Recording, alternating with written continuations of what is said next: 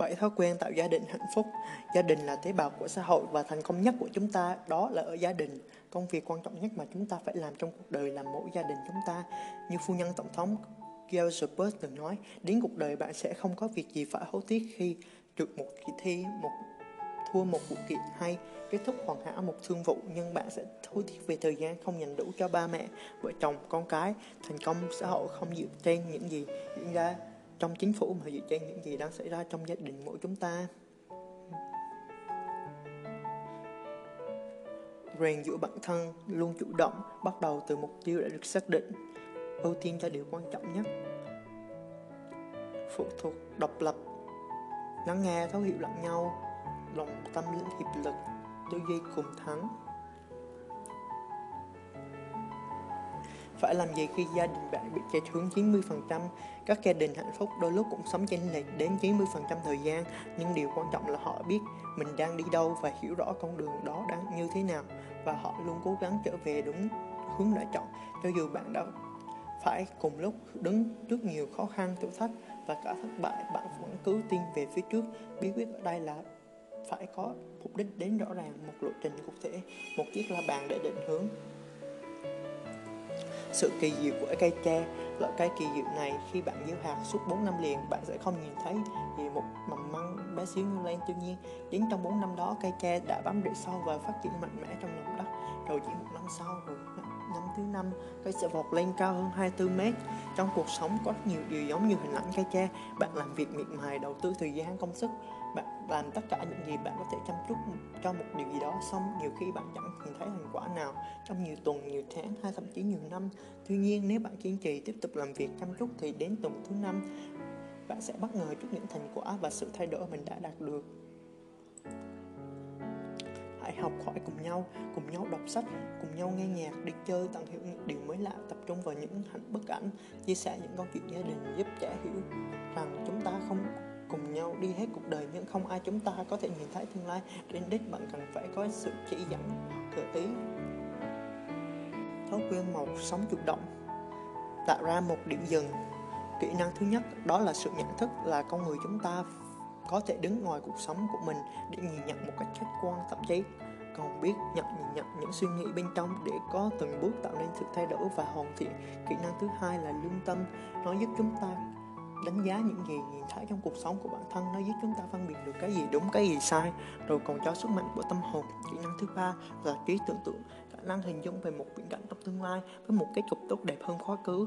Kỹ năng thứ tư là ý chí độc lập, sức mạnh để hành động. Một khi đã có bốn kỹ năng, bạn sẽ trở thành một nạn nhân không có những tác động tiêu cực. Ngay cả khi bạn sống trong một gia đình đầy sự ngược đãi, bạn vẫn có thể trở thành người tử tế và giàu lòng yêu thương nếu bạn muốn trở nên tốt đẹp theo cách mà bạn mong muốn. Hãy rèn luyện bốn kỹ năng nêu trên. Chìa khóa thành công là phải nuôi dưỡng những kỹ năng này trong mỗi cá nhân, trong nền nếp văn hóa gia đình. Kỹ năng thứ năm là trong cuộc sống gia đình rất cần đến kỹ năng thứ năm con người là tính hài hước tính hài hước có vai trò rất quan trọng để hoàn thiện các văn hóa gia đình vì tiếng chính tiếng cười giúp duy trì sự lành mạnh, vui vẻ, gắn bó và kiến tạo sự hấp dẫn cho nền nếp gia đình. Bằng cách kể ra những câu chuyện vui, nhìn ra những khía cạnh hài hước trong cuộc sống chỉ chỉ ước sự hên hoan hoặc đơn giản là chỉ vui vẻ bên nhau. Ai biết trước mỗi lần làm của sự ngốc nghếch của mình, biết cười trước hoàn cảnh khó khăn, người đó có khả năng quay về đúng hướng nhanh hơn so với những người cầu toàn. Yêu một động từ nếu bạn đang lo lắng về cuộc hôn nhân của mình, thấy vợ hoặc chồng của bạn không còn những cảm xúc dành cho nhau giống như trước nữa, hay không còn cảm xúc yêu nhau nữa thì hãy luôn nhớ một điều quan trọng sau yêu là một động từ, còn cảm xúc yêu thương chỉ là kết quả của nó mà thôi. Vòng tròn ảnh hưởng và vòng tròn trung tâm, vòng tròn trung tâm, vòng tròn ảnh hưởng rồi đến bản thân. Trong lời nguyện bình an của Thánh Francis, Xin Chúa ban cho bạn sự thanh thản để chấp nhận những gì không thể thay đổi, lòng can đảm để thay đổi những gì có thể và sự khôn ngoan để phân biệt những sự khác nhau giữa hai điều ấy. Có một cách để phân tích rõ ràng sự khác nhau là nhìn nhận cuộc sống theo hai chữ vòng tròn trung tâm quan tâm và vòng tròn ảnh hưởng. Vòng tròn quan tâm là vòng tròn to bên ngoài, bao gồm tất cả những thứ bạn quan tâm. Vòng tròn ảnh hưởng là vòng tròn nhỏ hơn, bao gồm những thứ bạn thực sự có thể tác động và ảnh hưởng lên chúng. Phản ứng của chúng ta thường tập trung vào vòng tròn quan tâm nhưng điều này chỉ khiến cho vòng tròn ảnh hưởng càng bị thu hẹp lại. Những người có tính chủ động sẽ tập trung vào tròn ảnh hưởng, kết quả là vòng tròn này sẽ mở rộng dần ra.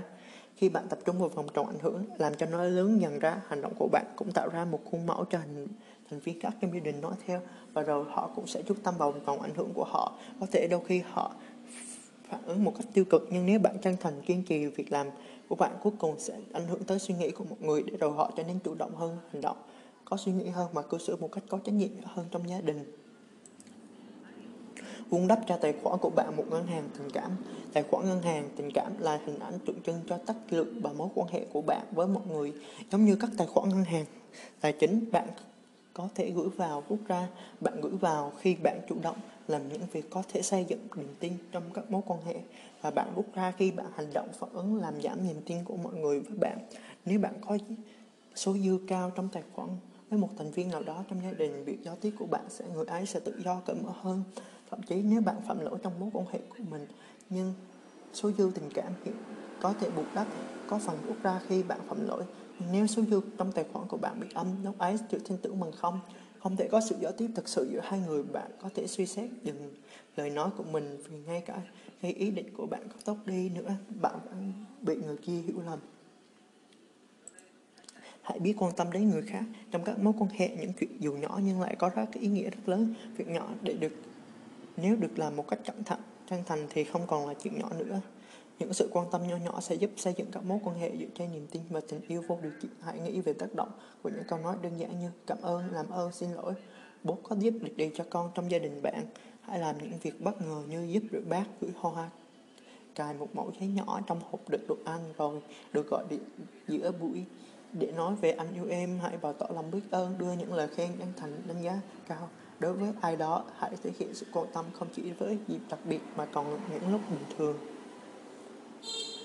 biết nói lời xin lỗi, đôi khi chúng ta mất bình tĩnh, đôi khi chúng ta bị chạy hớn nhưng những lúc vậy, chúng ta cần chịu trách nhiệm, cần biết nhún nhường và xin lỗi một cách chân thành. Chúng ta phải dứt khoát thực hiện sự tôn trọng này thay vì nuôi tư tưởng, tôi sẽ xin lỗi nếu anh nói xin lỗi trước. Nếu bạn băn khoăn chứng tỏ mình đúng, không chịu xin lỗi thì người khác sẽ nghi ngờ đặt bạn ở đằng sau, song sắt nhà tù của họ. Họ sẽ dè chừng quan hệ đối với bạn nữa, giữ an toàn cho chính họ vì không hy vọng những điều bạn làm nhiều ở bạn. Không nên nói xấu sau lưng, những lời nói sau lưng là những khoản hút ra lãng phí từ tài khoản tình cảm không chỉ đối với người nói đến mà còn những người bạn đang nói chuyện cùng. Một trong những tài khoản gửi vào quan trọng nhất là trung thành với các thành viên khác trong gia đình khi họ vắng mặt. Hãy nói về những người khác như thể họ đang có mặt hứa và giữ lời hứa khó tìm một tài khoản gửi nào. Lại có sức tác động đến gia đình nhiều hơn việc hứa và giữ lời hứa. Một lời hứa sẽ mang lại sự oa hớt mong chờ và hy vọng và những gì chúng ta hứa trong gia đình sẽ có. Rất nhiều điều quan trọng, nhạy cảm nhất biết tha thứ đối với nhiều người một cách kiểm tra khả năng sống chủ động của họ là sự tha thứ trong thực tế. Ta sẽ luôn là nạn nhân của cho đến khi bạn biết tha thứ. Khi bạn sẵn lòng tha thứ, bạn sẽ mở lớn những cho niềm tin và tình yêu vô điều kiện đối với bạn. Bạn giải phóng trái tim của mình ra khỏi những suy nghĩ đau khổ, đồng thời bạn sẽ mở lớn cho con người khác thay đổi. Bởi nếu không tha thứ, thì khi ấy chính bạn đã khiến họ ra sức bảo vệ và biện minh cho hành động của họ thay vì suy xét lương tâm. Mỗi khó khăn là một cơ hội để tạo ra tài khoản gửi vào. Chúng ta có thể chủ động biến mỗi vấn đề gia đình trở thành một cơ hội để tạo ra tài khoản gửi vào. Một ngày tồi tệ của ai đó trở thành một cơ hội để chúng ta thể hiện sự quan tâm. Một xúc phạm có thể trở thành cơ hội chúng ta xin lỗi và tha thứ. Một câu nói người khác có thể trở thành cơ hội chúng ta trung thành bảo vệ người bị nói xấu. Nhớ lại câu chuyện về cây tre trong lúc khi bạn đang nỗ lực, hãy nhớ giống như cây tre bạn có thể không nhìn thấy kết quả gì trong nhiều năm bạn có thể làm được điều đó không? Bao giờ là quá muộn cả. Hãy tiếp tục tập trung vào vòng tròn ảnh hưởng của bạn. Hãy là ánh sáng soi đường chứ đừng trở thành một quan tòa. Phán xét hay tiên tiên phong gương mẫu thay vì đi sau phê bình. Hãy tin tưởng vào kết quả cuối cùng. Thói quen thứ hai. thói quen thứ hai bắt đầu với một mục tiêu. Thói quen thứ hai dựa trên nguyên tắc của tầm nhìn chân này. Tập trung vào mục tiêu sâu sắc nhất là vượt trội hơn cả đó là xây dựng bản tuyên ngôn về nhiệm vụ của gia đình. Bản tuyên ngôn về nhiệm vụ gia đình là sự thống nhất các ý kiến của mọi thành viên về mục tiêu gia đình đang hướng tới những điều mà họ thực sự muốn làm và những nguyên tắc chi phối cuộc sống gia đình. Bản tuyên ngôn dựa trên ý tưởng khẳng định mọi thứ đều được tạo ra hai lần. Lần đầu là trên ý tưởng hai trí tưởng tượng, lần sau là trên thực tiễn để thực hiện hóa ý tưởng đó. Xây dựng bản tuyên ngôn về nhiệm vụ cho gia đình của bạn. Bước 1. Tìm hiểu những gì mà gia đình của bạn luôn đang hướng tới. Hãy bắt đầu kêu gọi những cuộc họp gia đình để xây dựng bản thương ngôn. Mỗi tuần dành 10 phút bên nhau liên tục trong vài tuần thì hiệu quả hơn trong một cuộc thảo luận dài lê thê, chỉ toàn triết lý. Trong bất cứ hoàn cảnh nào cũng cần tạo ra một không khí thoải mái và tự do trao đổi. Hãy đưa ra những câu hỏi giúp các thành viên phát huy bốn kỹ năng của họ, ví dụ như mục tiêu của gia đình bạn là gì, chúng ta muốn có một gia đình như thế nào, một cảm xúc chúng ta muốn có một gia đình là gì, chúng ta muốn đối xử với gia quan hệ với nhau như thế nào, điều mà gia đình thực sự quan trọng với chúng ta, trách nhiệm của chúng chúng ta với tư cách là một thành viên là gì? Hãy những nguyên tắc nào gia đình bạn muốn tuân theo làm thế nào để gia đình mình có thể góp phần xây dựng một cơ hội xã hội trở nên có ích hơn? Những cuộc thảo luận sẽ đạt hiệu quả cao hơn nếu có ba nguyên tắc sau. Nguyên tắc thứ nhất, lắng nghe với sự tôn trọng, hãy cho phép mọi người đều có cơ hội đưa ra ý kiến. Nguyên tắc thứ hai, nhắc lại một cách chính xác để chứng minh rằng bạn đã hiểu. Một trong những cách để thể hiện sự tôn trọng là nhắc lại quan điểm của người khác và làm hài lòng họ. Nguyên tắc thứ ba là viết ra những ý tưởng, hãy đề nghị ai đó làm thư ký viết ra những ý tưởng được bày tỏ Bước 2. Viết bản tuyên ngôn về nhiệm vụ gia đình bạn. Sau khi đã thảo luận, hãy tiến hành chọn lọc và tổng hợp các ý kiến đưa ra những quan điểm chung nhất về phản ánh suy nghĩ của mọi người. Cần nhất ở đây là những gì bạn thu được lúc đầu chỉ làm bản thảo. Các thành viên trong gia đình cần xem xét, suy nghĩ và thảo luận cho tới khi bắt tất cả cùng đồng thuận. Đây chính là mục tiêu, nhiệm vụ mà cả gia đình đang hướng tới. Chúng ta tin tưởng và sẵn sàng cam kết và thực hiện. Ví dụ mục tiêu của gia đình chúng tôi là tạo ra những nuôi dưỡng niềm tin tính kỷ luật sự trung thực tình yêu niềm hạnh phúc và sự thoải mái, đồng thời tạo ra cơ hội của mỗi cá nhân để họ sống độc lập, nhưng có trách nhiệm, hợp tác hiệu quả có thể đạt được mục tiêu cao cả trong xã hội. Bản tuyên ngôn không nhất thiết phải là một văn bản hành tráng, nó có thể chỉ là một chữ hoặc là một hình ảnh biểu tượng sáng tạo nào đó. Bước 3 sử dụng bản tuyên ngôn không bị trạch hướng không ra lệ việc mọi người tham gia sẽ rất tốn thời gian và lòng kiên nhẫn. Bạn có thể xây dựng bản thân ngôn cho chính mình. Hoặc cùng người bạn để xây dựng nên rồi thông báo với con cái. Nhưng đừng làm vậy. Nếu một thành viên bạn thấy thiên ngôn không chứa đựng một phần suy nghĩ của họ họ sẽ dựng dưng, không nóng vội. Nếu bạn nôn nóng, mọi người sẽ để bạn làm một mình, còn họ sẽ tiếp tục làm việc khác. Quá trình thực hiện quan trọng không kèm kết quả cuối cùng. Mọi người phải tâm gia thực sự và sâu sắc phải lắng nghe và làm việc cùng nhau. Không ăn xối ở thì bản tuyên ngôn mới chỉ là bắt đầu những thành những thành quả quan trọng nhất. Chỉ đến khi áp dụng chúng vào cuộc sống gia đình và đừng từng giây phút trong cuộc sống hàng ngày của mình. Thói quen thứ ba là ưu tiên những việc quan trọng quá từng nói những điều quan trọng nhất. Chúng ta không bao giờ được đối xử người như những điều kém quan trọng nhất trong cuộc sống. Nếu không ưu tiên gia đình, chúng ta không thể có một gia đình hạnh phúc khi phải chịu áp lực trong công việc và sự nghiệp, nhiều người có quen đi gia đình mới đáng là ưu tiên hàng đầu. Hãy nhìn xem kỹ xem vai trò của bạn trong công việc chỉ là tạm thời khi bạn về hưu không còn là một doanh nhân, một nhân viên ngân hàng hay một nhà thiết kế nữa vị trí của bạn sẽ được thế chỗ. Tuy nhiên vai trò một gia đình không bao giờ kết thúc. Vị trí của bạn không bao giờ bị thế chỗ gia đình là một trong những rất ít thực tế có vai trò vĩnh cửu trong cuộc sống thậm chí là vai trò vĩnh cửu nhất. Vì vậy nếu bạn sống theo những vai trò tạm thời trong khi vai trò vĩnh cửu duy nhất thì bạn lại để mất dần và đang đánh mất những giá trị văn hóa và sự giàu có đích thực trong cuộc đời.